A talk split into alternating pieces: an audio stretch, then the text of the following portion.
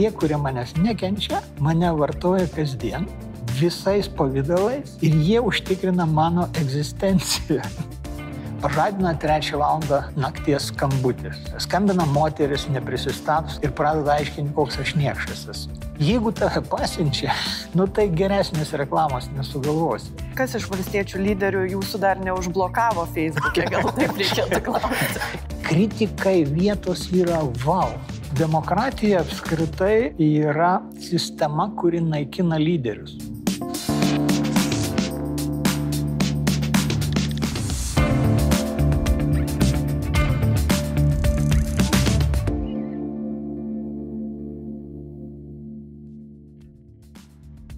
Mano pažiūros yra klasikinio liberalo ir turbūt tai yra nulemta ne mano paties, o tai, kad aš esu kilęs iš stambių ūkininkų, kurie savo karjerą pratėsi Sibirė.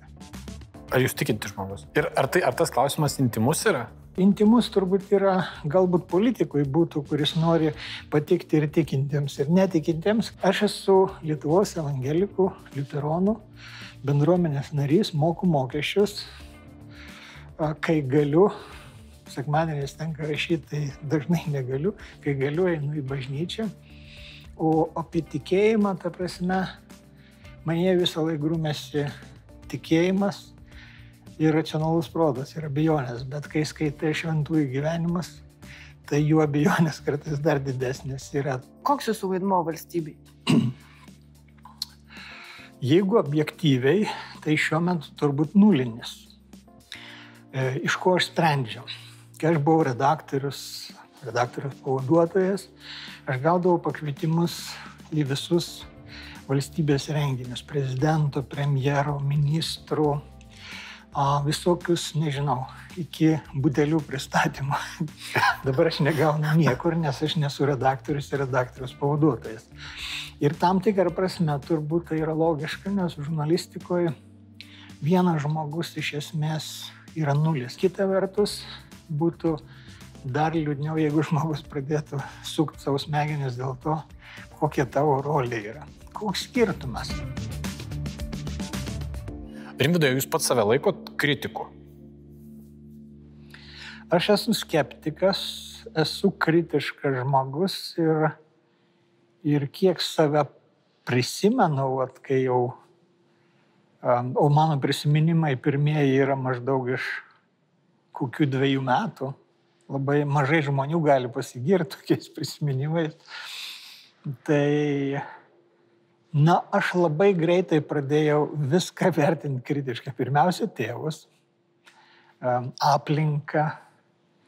Ir man daug kas nepatikdavo. Ir tai, kas nepatikdavo, pavyzdžiui, kiti vaikai kažkaip, jie žinodavo, kad jeigu ten per daug riesi nosį arba e, aikštingumą rodysi, tai iš vis nieko negausiu. O, aš, o man būdavo taip, jeigu aš nepasakau, kas man nepatinka, tai man nu, baisus gyvenimas, nebegali gyventi toliau. Tai, tai iš principo turbūt yra tipiškas žurnalistas. Iš tiesų, e, man tuo pat metu patinka džiaugtis gražiais dalykais, gerais dalykais. Kritiškumas atsiranda iš pozitivizmo.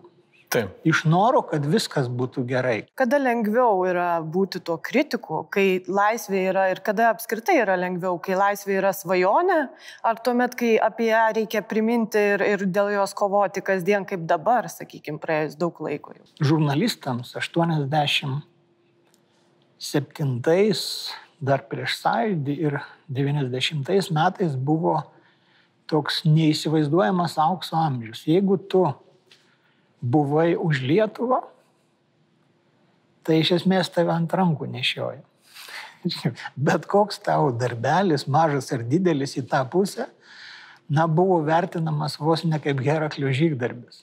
Tokių laikų ne, nebebus niekada ir ačiū Dievui. Ta prasme, uh, mano galva, kad žmonės neturėtų žavėtis politikais, neturėtų žavėtis žurnalistais, turbūt neturėtų kaip nesižavi literatūros kritikais arba teatro kritikais. Tai Tai žmonės turi žavėtis tuo, ko žavisi. Gerais krepšininkais, gerais futbolininkais, gerais dailininkais, na, apskritai tie. O mes esam tie, nu, kaip kažkada tokį serialą rodė, tuoj po nepriklausomybės atgavimo, Kalnietis.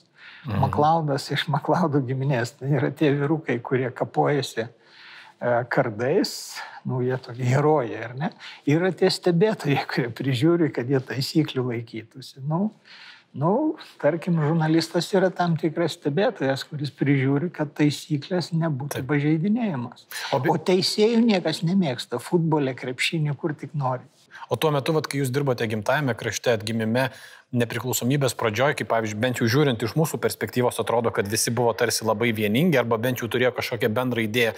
Tuo metu jūs buvote kritikas ar, kaip sakote, stebėtojas, kuris tarsi padeda suprasti, kas vyksta. Kokia jūsų buvo pozicija tuo metu? Kritikas taip ir tas, kuris padeda suprasti. Man atrodo, kad dabar apie tą vienybę yra kalbama iš šios dienos pozicijų. Žmonės nori kažko tokio, ko gamtoj nėra. Nu, ne, jeigu mes staiga visi pasidarytume kairieji ir dešinieji vieningi, tai klausimas, per kiek laiko mes nukeliautume į Rusijos arba Baltarusijos padėtį. Atsakymas Vengrijoje yra. Mhm. Labai greitai. Geriau mes nebūkime vieningi, o būkime, bandykim būti teisingi.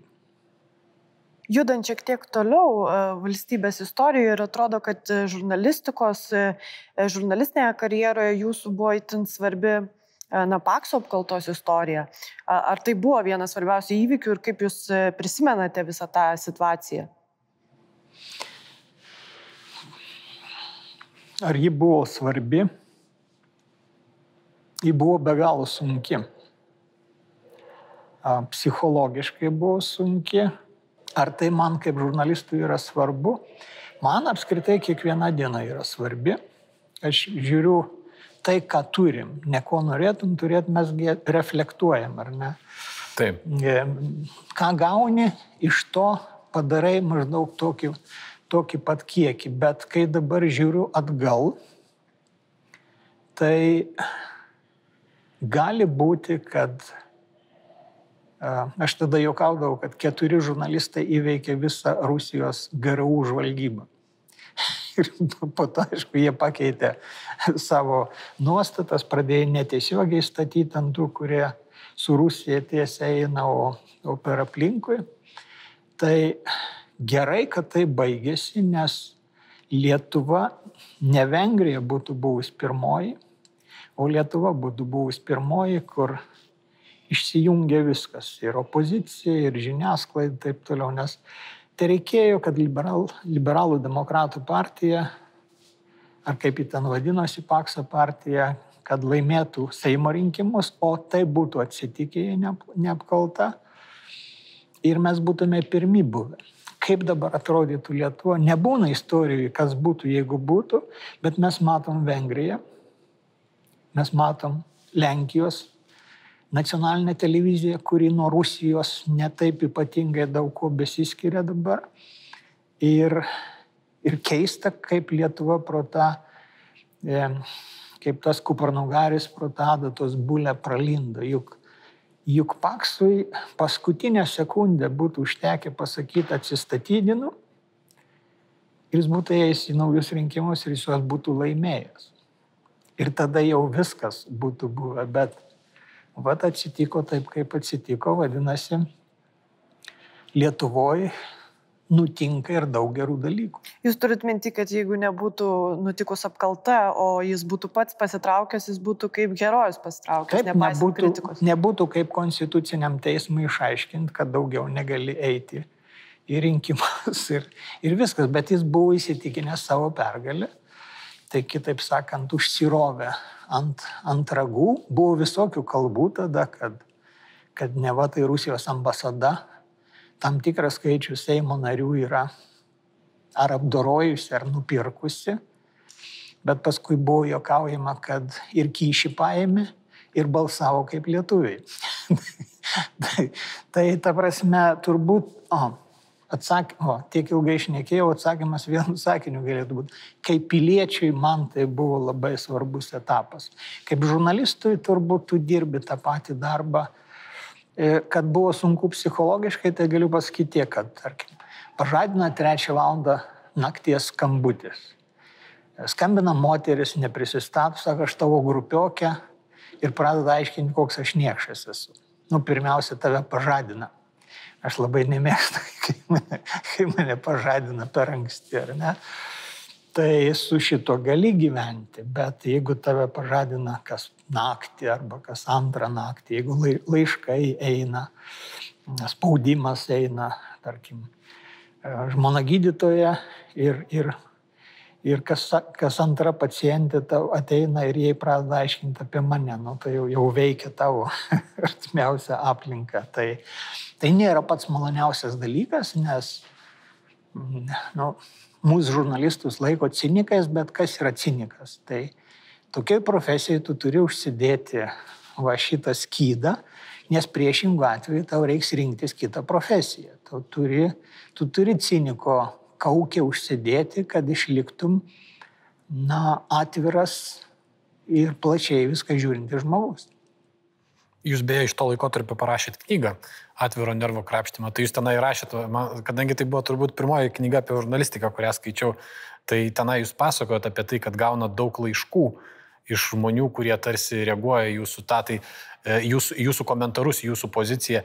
E, bet man kažkaip susidaro toks emocinis įspūdis, išlikęs iš, iš, iš va, to, kai aš skaičiau knygą, kad nebuvo taip, kad jums visai nepatiktų ta žmonių reakcija į tai, kad jums patiko, kad žmonės reaguoja į tai, kad jūs krapšto tą atvirą nervą? Ar aš neteisus? Gal, jo, galėčiau netgi pasakyti taip, kad realiai turbūt aš visiškai esu neįdomus tiems, kurie nu, panašiai galvoja kaip aš. Ir turbūt jie mane vartoja rečiau, nes iš principo jie žino, ką aš galiu pasakyti. Tuo tarpu tie, kurie manęs nekenčia, mane vartoja kasdien, visais pavydalais ir jie užtikrina mano egzistenciją. tai, kad, kad aš esu kažkur dar reikalingas. Nes jie nu, ieško prie ko prisikabinti. tai, tai, tai toks yra paradoksas, realiai yra mano maitintai. Ir, ir apskritai krikščioniškai žiūrint, nu, tu turi mylėti savo artimą, ar ne? Kažkada turėjau tokį pikantišką susitikimą vienoje vyninėje, buvo mano dukra atvažiavusi su savo draugu italu ir įvarė europarlamentaras Paksas, jam išrikiavo ten vyno taurių ir jis man sako, aš ant tavęs nepykstu. O, geras. o mano dukra savo italui verčia, kas čia toks per bičias yra, iš čia atsiradė, italui buvo kažkas tokio, kad čia yra prezidentas po impeachmento, aš čia toks kaip ir niekadėjas, kuris jį, jį nuverčia, bet nu, iš, tiesų, Geras. iš tiesų pykti arba vertinti kažkaip tai, tarkim, e, tuos, kuriuos aš kritiškai vertinu ar ne, tikrai tai nėra ad hominem. Jeigu, jeigu, jie, jeigu jie pripažįsta klaidą, tai man dar labiau skauda, nes, nu, buvo geras žmogus, ar ne iš principo. Bet šitoj vietoje dėl nepatirties, dėl spaudimo, ten aplinkos ir taip toliau jis padarė vieną ar kitą blogą dalyką. Ar yra tokių žmonių, kuriuos jūs kritikavot ir, pavyzdžiui, pykstat ad hominė ant jų dėl kažko? Ne, jeigu taip reiktų sudėti ir įvertinti, tikrai nėra tokio žmogaus, kuriam jausčiau neapykantą, nes neapykantos jausmas kitam iš principo tu save valgai, naikini, tu, tu save grauži tuo metu. O kai atleidi, kai žiūri atlapaširdiškai, nu ką, nu dabar, va, dabar opozicija, ar ne? Tai man, man ir Karbauskis, ir Veryga, nu, verti pagailėjimo, ar net tokios viltys žmonių buvo. Taip norėjo visus tvarkyti, visus valdyti, vis, visiems viską uždrausti. Ir kas jie dabar yra? Nejaukas klausosi, nu dar žurnalistai paklaus, ar ne? Ir tu turėjai pas tuos pačius žurnalistus, pas kuriuos išdidžiai sakė, niekada pas tą konservatorių skaliką neįsiu, niekada pas liberalų neįsiu, dabar tenka eiti. Tai gyvenimas mus pastato į vietą, tai geriau mylėti žmonės. O kokiais laikotarpiais kritikam buvo sunkiausia? Jum buvo sunkiausia? E, be pakso galbūt? Aš sakyčiau, kad sunkiausia kritikam pasidarė tada, kai politikai staiga suprato, jog jie nebedirba visai visuomeniai, visai valstybei. Ir tai buvo maždaug iki kokių 2008, nu gal net, gal net tam krizės metu staiga suprato, kad, nu ir koks skirtumas, šitie vis tiek niekada už mane nebalsuos, tai aš galiu neiti laidas, galiu pasiūsti, galiu atsakyti. Dabar įsivaizduok, kaip dirbti. Uh, žurnalistui laidos vedėjui, jeigu premjeras atsisako eiti, prezidentas atsisako eiti, kokie penki ministrai atsisako eiti, tu nebegali dirbti savo tiesioginio darbo. Iki pat kokių tai 2008 metų nebuvo įsivaizdavimų net, kad pakviestas ministras ar Seimo narys gali neteiti laidą. Tai aš sakyčiau, kad sunkiausias metas yra dabar. Ne tada, ne tada tais laikais, kai, tarkim, apkal, apkal, e, apkaltai išgyvenantis prezidentas galbūt tave būtų nudobęs uh, už tamsos kampo, bet jis būtų atėjęs į tavo laidą. Ir jis ateidavo į tavo, tavo laidas. Visi visur ėjo. Dabar, kai nebeina, tai iš principo uh, skyla pati mūsų darbo misija Tai, tai kaip tu ją gali daryti, jeigu tu negali išklausyti tos pusės, kurią kritikuoji. Vadinasi, tu automatiškai nebe, nebe tam, tampi nebeobjektivus, bet tu negali būti objektivus, nes jis sieną pastato. Tai sakyčiau, kad dabar yra pats sunkiausias laikas. Pratesiant šitą temą, Net ir vakarų valstybėse dabar arba nuo 2016 ryškėjo tokia tendencija, kad politikai ne tik nepakenčia kritikos, bet ir bando spausti kritikus. Tikriausiai Donaldas Trumpas ryškiausias pavyzdys, kur žurnalistus viešai netgi žmonių priešais vadino. Ar jūs pastebėjote tokių trumpizmo bruožų Lietuvoje? Tai paraleliai viskas vyksta, be jokios abejonės, kad kad šitas supratimas atėjo su socialiniais tinklais. Iki socialinių tinklų medija e, buvo mediumas, be kurio neišsiversi per rinkimus ir apskritai vykdydama savo politiką. Socialiniai tinklai atpigino santykius su rinkėju ir suvedė tos santykius į tavo burbulą tik tai. Trumpas yra, nu, ne prie ko. Trumpas tik tai yra vienas iš rezultatų. Įsivaizduot, kad nuvertus Trumpą ir atjungus YouTube, Twitterį ir Facebooką nuo jo, e, trumpizmas baigėsi. Ne, trumpizmas yra padiktuotas technologijų. Ir, ir, ir, ir čia jau nieko nepadarysi. Ta prasme, e, su žmogum visada galima ginčytis ir jį nuginčyti net patį protingiausią, ypač jeigu penki ginčijasi prieš vieną, bet tu pabandyk skaičius ir technologijas nuginčyti. Neišeis. O beje, kaip Jūs vertinate tą dabar aptarinėjimą, ypač žiniasklaidos bendruomenėje, įvykį, kai Trumpas buvo užbanintas, užblokuotas socialiniuose tinkluose. Kaip Jūs tai vertinat? Šizofreniškai skylu Esu prieš draudimus, visa širdim. Didelę gyvenimo dalį dariau viską, kad draudimo nebūtų, bet jų vis daugėja.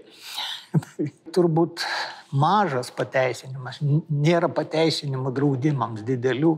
Mažas pateisinimas yra toks, kad kai uždraudžia prezidentui naudoti žodžių laisvę, tai dar nėra žodžių laisvės nei pabaiga, nei, nei pabaigos pradžia.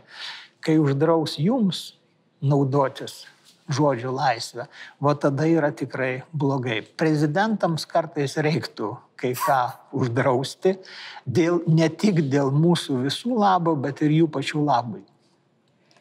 Kalbant apie prezidentus, E, ar jums netrodo, kad, e, pavyzdžiui, netgi ir tokių žmonių kaip e, buvęs premjeras Saulis Kvernelis, Ramūnas Karbauskis, mūsų prezidentas Gitanas Nausėda, kad jų elgesys viešojo erdvėje, jų reakcija į kritiką tarsi rodo, kad politikai tampa jautresni.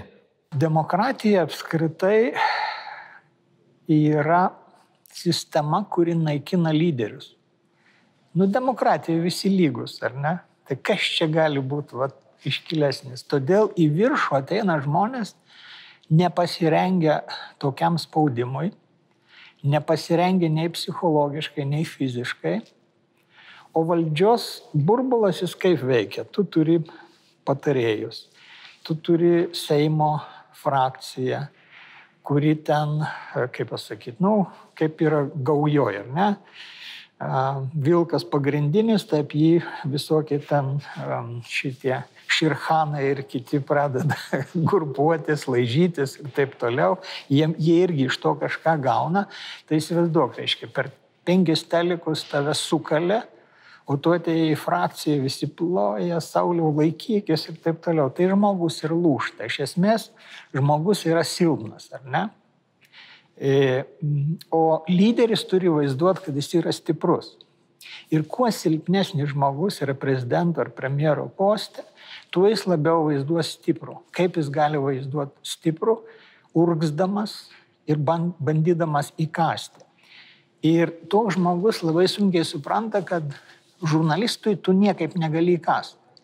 Žurnalistui iš principo visai bus gerai.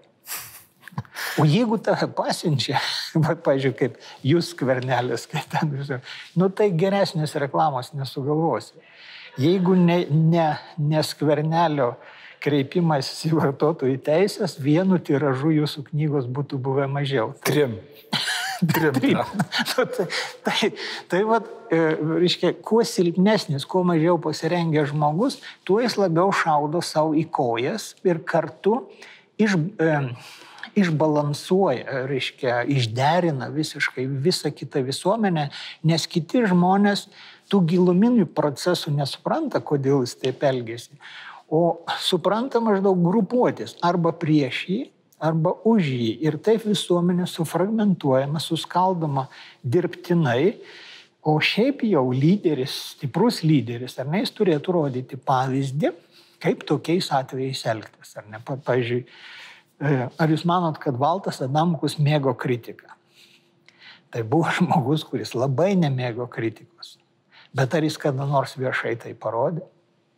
Jis visada kviesdavo visus, ne tuos, kurie varydavo nesąmonės ant jo. Tai vat, jūsų tą minėtam savo knygelę, kai aš jam įteikiau, taip užrašiau.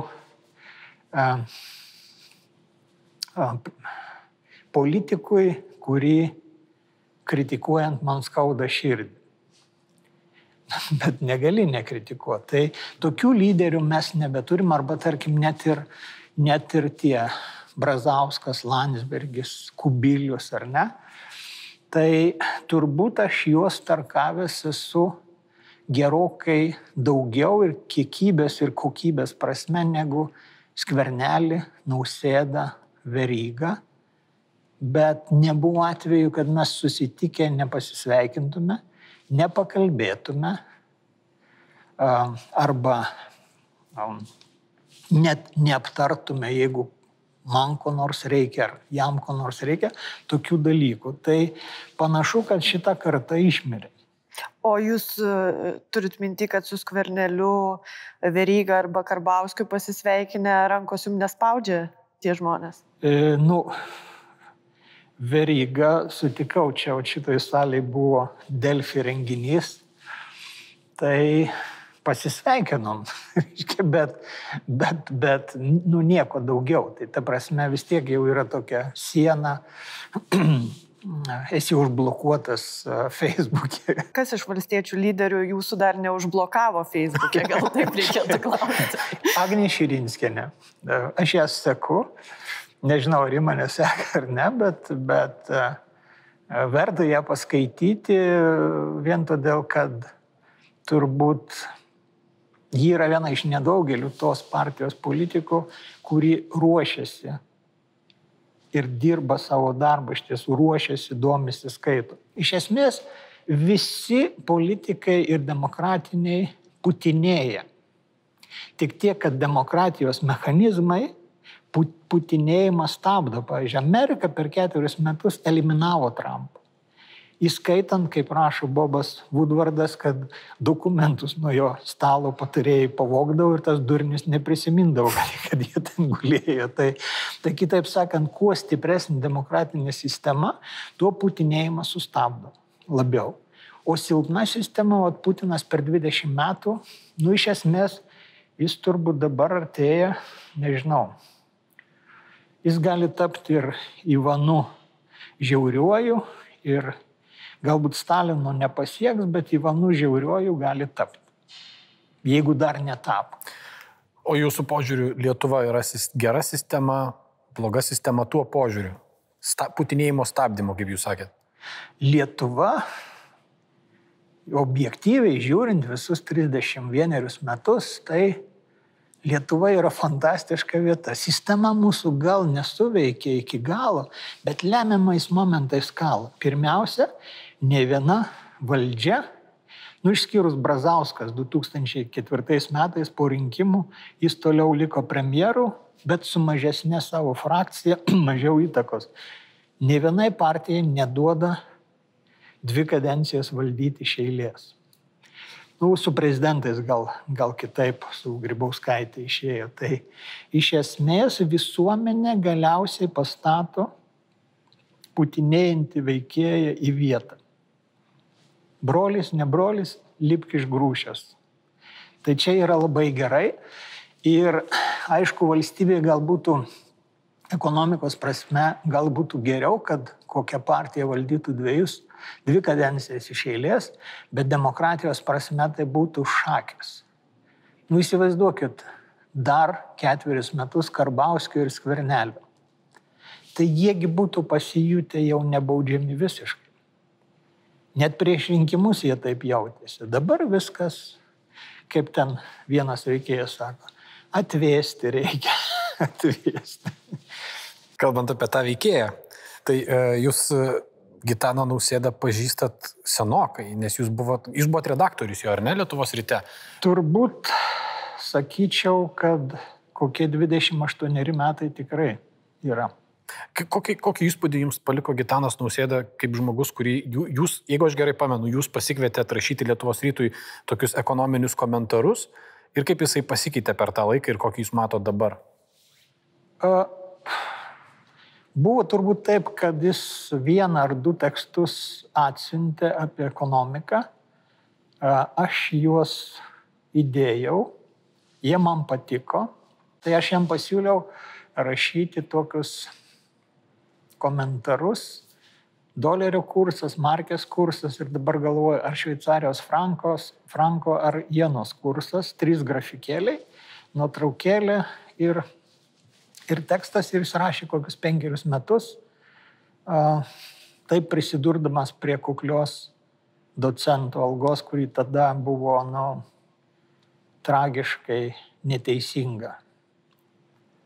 Tai prisimenu kaip, kaip kuklų žmogų, kaip labai kultūringą, nepretenzingą ir šiaip malonų, malonų vaikiną kuris iš esmės turbūt iš ten ir startavo.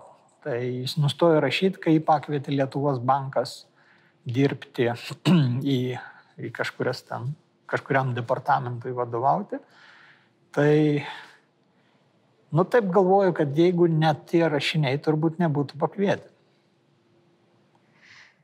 Jūs dabar sakot, kad prisimenat kaip kuklų, nepretenzingą žmogų, tai jūsų vertinimu tikriausiai dabar nebegalėtumėt pasakyti tokių pat žodžių. Pasikeitė žmogus per daug metų?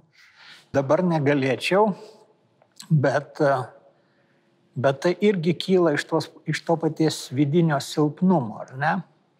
Čia tam tikra, čia reiktų su, su psichoterapeutais kalbėtis, kaip žmogus uh, kylantis, staigiai iškilęs aukštyn, kaip jis turi pridengti savo silpnumą arba savo nugumą. Jisai daro, daro viską priešingai Tai iki rinkimų likus kokiam trim mėnesiam aš rašiau tokį komentarą, e, kuriam užsiminiau, kodėl būtų blogai nausėda prezidentas.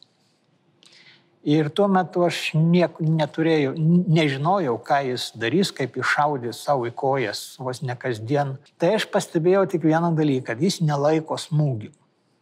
Boksai yra toks terminas, kad tu turi laikyti smūgius, kaip ir bet kuriam sportui. Jeigu tu esi polėjas futbolo, tai, tai per rungtynės maždaug kokį dešimt kartų tau kalą per kojas ir kalas skaudžiai ir dažnai traumuoja. Jeigu tu inkšči, jeigu tu atsistojęs verksi, tai tu negali žaisti to žaidimo. Krepšinė tas pats boksai yra aišku, taip pat ir politikoje yra. Jis jau tuomet matėsi labai greitai rausta, įsižeidžia. Ir tai yra tokios psichofizinės savybės, kurias vargiai ar mes galim pakeisti. Nu, tu gali kažkaip susigyventi su tuo tik tai, bet, bet visada tai veiks. Ir kai jis tapo prezidentu, tas labiausiai ir matosi. Vat. Negali atleisti, įsižeidžia, supyksta. Na ir tokie net e, iš šalies stebint, e, taip svarstai, nu kam žmogui šito reikėjo, kad e, iki tol buvęs visų pagarboj, dabar tu tą pagarbą trupini ir, ir paleidi vėjas kalbant apie tų smūgių atlaikymą, kaip jūs sakėte, tai jūs buvote vienas iš tų žurnalistų, kurio prezidentūra neįsileido moderuoti renginio, na ir po to prezidentas lygino renginio moderavimą tarsi su savo gimtadieniu ir kalbėjo, kad nieks nenori nekvestų svečių savo gimtadienį. Kaip e, jūs tai vertinate? Ar tai susijęs su jūsų kritika prezidentui? Na, be jokios abejonės. Etimologiškai va, tas vien palyginimas su gimtadieniu mano gimtadienis, jūsų gimtadienis. Tai, Ta. tai, tai rodo, kad tu painioji valstybę su savim. Net Liudvikas, tas, kuris Saulė, irgi kai kur skirdavo, kur yra valstybė, kur yra jis, nors sakydavo valstybė, tai, tai esu aš, ar ne? Sakyčiau, kad tas painiojimas vat, plaukia iš tokio silpnumo. Tu, tu nuolat, nuolat bijai, kad tave muša, ne? Tai o boksininkas išėjęs į ringą, jisgi negalvoja, kad jį muš.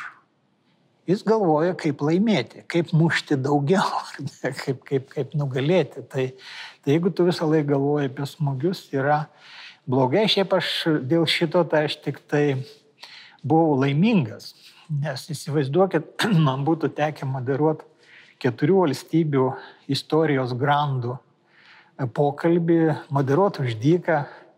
Ruošimuosi, nu net man, kuris šiek tiek studijavęs istoriją, nors nu, sakyčiau, taip 6-7 valandos grino ruošimuosi, nes būtų reikėję skaityti, ką kiekvienas iš tų vyrų yra parašęs, ką jie parašė tų konkrečių dalykų ir dar reikia išspausti, kad tarp jų vyk, kad jie tą savo know-how čia pat pateiktų. Tai, tai kaip čia pasakyti, tai čia nesu kokiu ministru šnekėti. Žodžius man sutaupė daug laiko. Ar galima sakyti, kad Lietuvoje ir pasaulyje mažėja erdvės kritikai? Aš sakyčiau, kad gal yra priešingai. Dabar kritikai vietos yra tiek daug, kad realiai ta kritika yra nebereikalinga ir nebenaudinga. Nu, čia panašiai būna sakysim, troškulys, ar ne? Ir dikumos vidury ir vandenino vidury tu numirsi nuo to paties, nuo vandens stygiaus. Nors vanduo aplinkui vandeninė, ar ne? Dabar, tarkim, spaudos eroje, kad tavo komentarą išspausdintų laikraštis, tai o vei, kokiu tu rašytoju turėjai būti, ar ne? Arba kokią tu poziciją turėjai iškovot, kad Lietuvos rytas turėjo dvi pozicijas. Pirmadieniais du, šeštadieniais buvo šešta diena a, Daunio, kol nežuvo Vaidoto ir Rolando Rastausko ese. Keturi žmonės, tai dabar Delfis per dieną kartais penkis komentarus paskelbė. O jeigu net Delfis tavęs nepaims ar ne, tai visada gali Facebook'e rašyti komentarus. Žodžiu, kritikai vietos yra wow, bet kai jos yra tiek daug ir visokios, ji iš esmės nebesugromuliuojama, jos niekas nebevartoja, nebepriima už pinigą, nesakau, kad už gyną, bet nebepriima už pinigą ir iš esmės diskursas prapuola. Nes diskursui yra reikalinga labai minimalus kiekis diskutantų. Kai diskursą tu neperkelsi į aikštę. Aikštėje tu kalbi lozungais, ten nuversti, atimti, padalyti ir taip toliau. Diskursui reikalinga e, žmonių, kurie išklauso, perskaito, sugromuliuoja, kažką atsako, kitas vėl tą patį daro. Diskursas, kai per dieną tą pačią temą pasisako 200 tokiai mažoje Lietuvoje, tarkim. Ką ten 200, įskaitant Facebooką, pasisako, Ta. kokie 2-3 tūkstančiai žmonių, diskursas yra nebeįmanomas.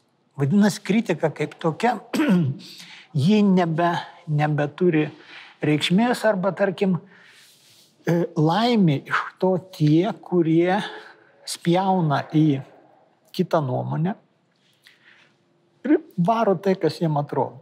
At, atmedi tai, nu, kaip vadinamoji Matulevičiaus kranto žurnalistika. Kas pirmas pasiskundė, tas teisus, viską sudėdi atmeti visus klaustukus ir tu atrodai kietai publikos akise.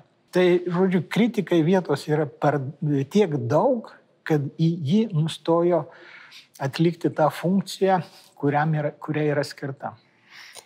Kalbant truputėlį apie ateitį, e, jūs sakėt, kad kritikams sunkiausias laikotarpis gal yra dabar, nes politikai nebeina į laidas ir taip toliau. Ko tikitės iš naujos valdančiosios daugumos, naujos vyriausybės, kurią mes išsirinkome ir kritikos atžvilgių, ar, na, taip pas mus priimta yra suteikti pasitikėjimo kreditą kuriam laikui, ar jūs tokį suteikėte? Nesuteikiu niekam jokių kreditų, todėl kad tas šimtas dienų jis yra toks gražus išmislas, ar ne? Nu, tarkim, jeigu trečią dieną ministras girtas su trim promilėm nukaltų vaiką perėjai. Ir sakytum, nu, čia šimtas dienų nepraėjo. Visada reikia žiūrėti, ką konkreti valdžia, konkretus valdžios atstovas daro. Ne? Tai pavyzdžiui, aš jau rašiau, tai palaukit. Labai daug žmonių už o, Laisvės partiją, liberalus ir konservatorius balsavo dėl to, kad nepritarė idiotiškiam valstiečių draudimam kur yra įstatymų projektai, kur bent vieną draudimą būtų siūlantis eliminuoti. Nėra. Apskritai, kur yra tie sprendimai, kurie ką nors duotų. Nu, nėra. Tai realiai aš kaip skeptikas su nerimu žiūriu, kada, kada jiems pradės nebepatikti. Kol kas yra toks medaus mėno, Jie yra, aišku, kitos generacijos, jaunesni žmonės, bet ne vienas jų turi tą, patį, tą pačią problemą. Ir e, psichofizinis silpnumas. Prasme, silpną žmogų anksčiau ar vėliau pramuš. Ypač, kai jis pats pradės įsivaizduoti, kiek jis čia daug padaręs ir taip toliau. Daug dievė, kad taip neįvyktų. Ir tai man priliktų, nežinau, aštuntam pasaulio stebuklui, jeigu, ši, jeigu šita valdžia e, nepradėtų aiškinti, kad žurnalistai yra kalti dėl to, ką jie tam padarė ar nepadarė. Norėčiau klysti. Norim paprašyti kiekvieno pašnekovo, kad e, parašytų mintį, kuri jo nuomonė iš to pokalbio apie kritiką šiuo atveju buvo pati svarbiausia.